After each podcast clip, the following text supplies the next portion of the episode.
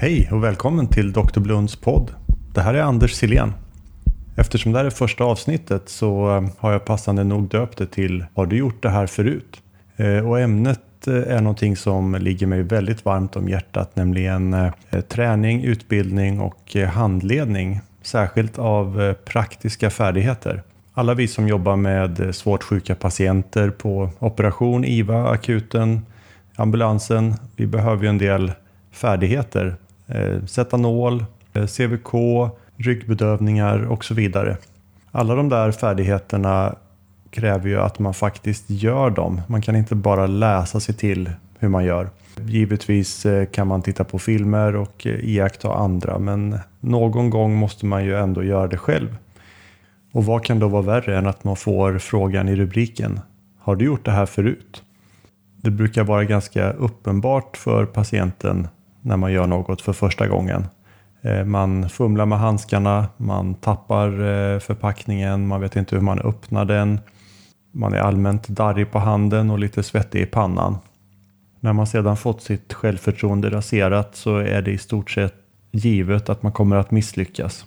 En av mina tidiga mentorer sa en gång att eh, sätta nål är 5% kompetens och 95% självförtroende. Jag håller kanske inte med om de exakta siffrorna men det är helt klart att vårt självförtroende är mycket viktigt för vår framgång när det gäller praktiska färdigheter. Därför måste vi hitta sätt att eh, vårda vårt självförtroende och eh, bygga upp det. Både vårt eget och eh, våra adepters. För även om du är nybörjare just nu kommer det snart vara du som ska handleda en yngre kollega eller arbetskamrat alla har ju hört eh, uttrycket eh, see one, do one, teach one. Och eh, min erfarenhet är att det där är mycket vanligare än vad i alla fall våra patienter helst vill veta. I vissa fall kan det till och med vara see none, do one, teach one. Det är viktigt att vi inte låter självförtroendet dra iväg med oss så att vi blir kaxiga och överlägsna. För då kan vi bli farliga men det är som sagt viktigt att eh, tro på sig själv och sin förmåga när man ska utföra praktiska handgrepp. Så låt oss börja med hur man förbereder sig för eh, sin första nålsättning. Det finns ingen ursäkt för att komma fram till patienten och inte ens eh, känna till alla moment man ska göra. Eh, det kan man göra i lugn och ro innan man kommer dit och det kallar vi för torrövning. Ta helt enkelt all utrustning du behöver för att sätta nål handskar, själva nålen, droppslang, förband, tejp, stasband och gå och sätt dig i ett hörn någonstans. Öppna alla förpackningar, ta isär och sätt ihop allting. Första gången jag såg hur många delar en eh, perifer venkateter innehåller blev jag faktiskt ganska förvånad. När du har bekantat dig med utrustningen börjar du öva på alla delmoment. Tänk på hur du ska sitta, Eh, var eh, sakerna ska ligga för att du ska kunna nå dem, vilken hand som gör vad, hur håller man nålen, eh, vilken hand ska släppa stasen. Öva också på vad du kan säga till patienten. Nu sticker det till lite grann, nu kan det svida lite och så vidare. Allt det här kan kännas ganska löjligt men jag lovar att det lönar sig när du är färdig.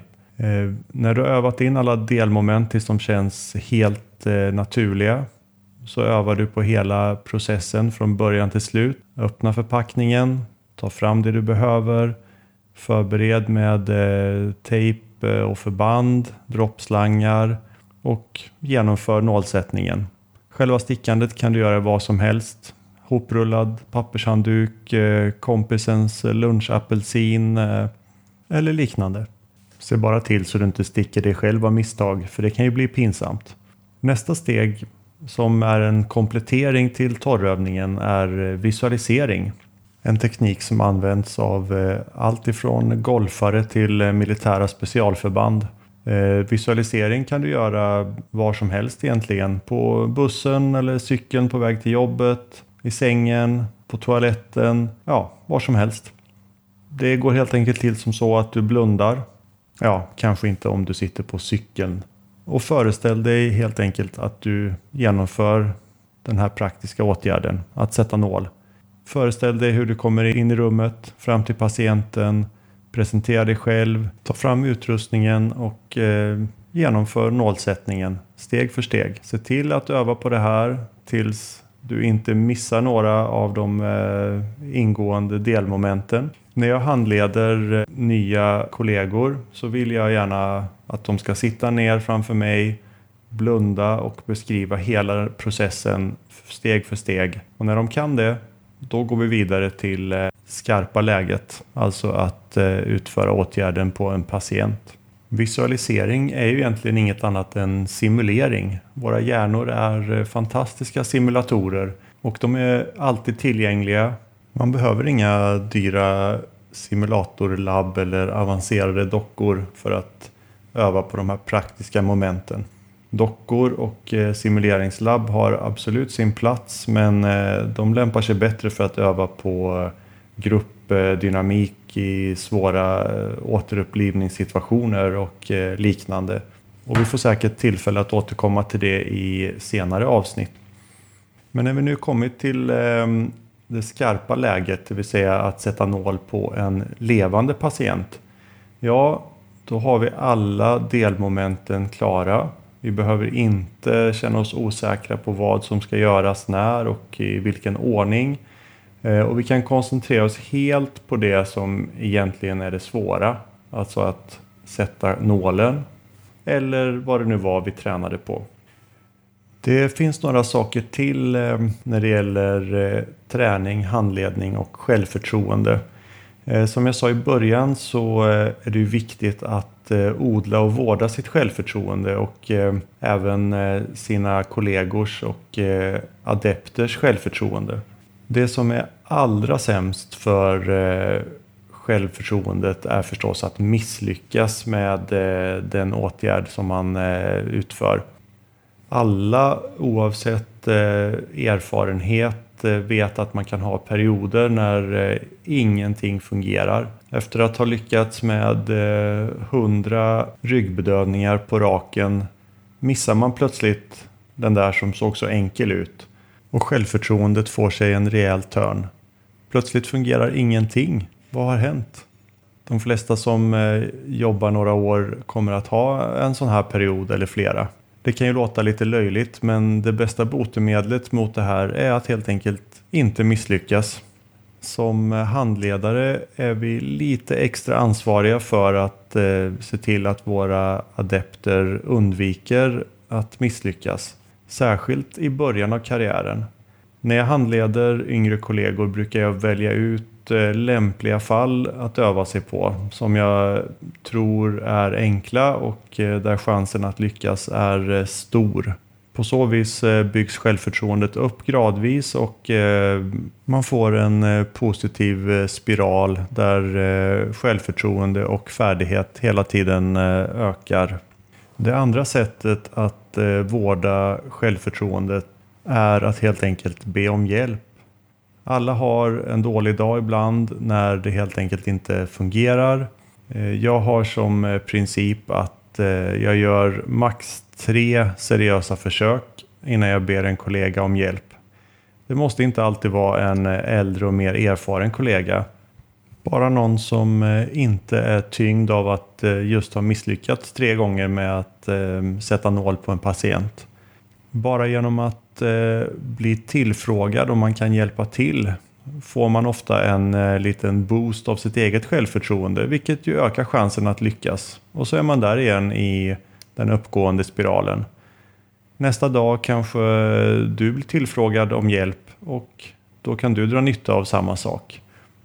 Så för att sammanfatta dagens ämne så handlar det om att eh, torröva, visualisera och eh, be om hjälp. Allt för att vårda sitt självförtroende och eh, därmed förbättra sina färdigheter. Det kommer eh, säkerligen fler avsnitt i framtiden som är ägnat åt eh, träning och handledning.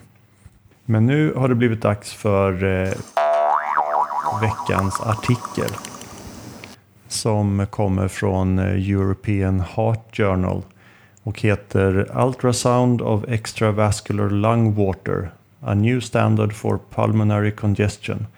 Eh, jag har lagt en länk i eh, inlägget som hör till det här avsnittet.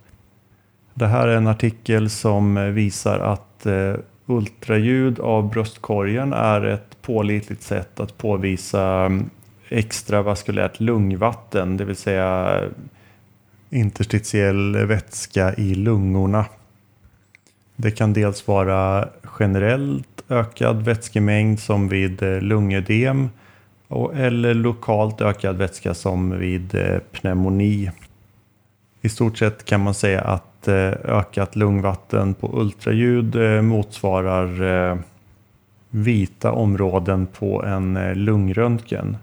Men i den här studien visar man att ultraljud är klart överlägset röntgen på att påvisa både generell och lokal eh, ökad vätskemängd i lungorna. För mig har ultraljud redan blivit eh, förstahandsalternativet för eh, thoraxundersökningar generellt. Den enda gången som lungröntgen är bättre är när man vill se läget av venkatetrar, eh, endotrakealtuber med mera. Men för eh, både pneumotorax och eh, ökad lungvätska är ultraljud klart överlägset. Tekniken är inte speciellt svår att lära sig men den passar förstås inte för en podcast. Artikeln som jag länkat till innehåller en del grundläggande information och mycket mer finns att tillgå på nätet. Avslutningsvis har det blivit dags för veckans eh, FOAM. Om du inte redan vet vad FOAM är så finns ett separat inlägg om det på www.doktorblund.se och det jag valt eh, denna vecka är ett inlägg av eh, Cliff Reed på hans blogg eh, resas.me med titeln Learning to speak resuscities som då är ett påhittat namn på språket vi använder i akutrummet. Eh, Cliff Reed ehm, presenterar en lista med eh, termer som används av eh, flygtrafikkontrollen för att undvika missförstånd och föreslår att vi ska försöka använda något liknande inom akutsjukvården i akuta situationer. Man ska undvika att säga saker som kan någon ge lite adrenalin kanske? Eller vi kanske skulle intubera. Det här är ju ganska självklart och övas ju också på eh, nästan alla kurser i akutsjukvård. Men i eh, verkligheten förekommer det fortfarande en hel del vaga uttryck på akutrummet. Jag tror kanske att eh, flygtrafikspråket eh, fortfarande skulle betraktas som lite för hårt och kallt men eh, läs eh, Cliff Reeds inlägg och eh, skriv vad du själv tycker i kommentarerna till det här avsnittet. Ja, det var allt för den här gången. Ehm, hoppas att eh, du hade någon glädje av det. Eh, I så fall får du gärna lämna en kommentar på hemsidan eh, www.doktorblund.se om du har några förslag till ehm, ämnen för kommande avsnitt så tas de tacksamt emot. Okej, tack för att du lyssnade. Ha det så bra.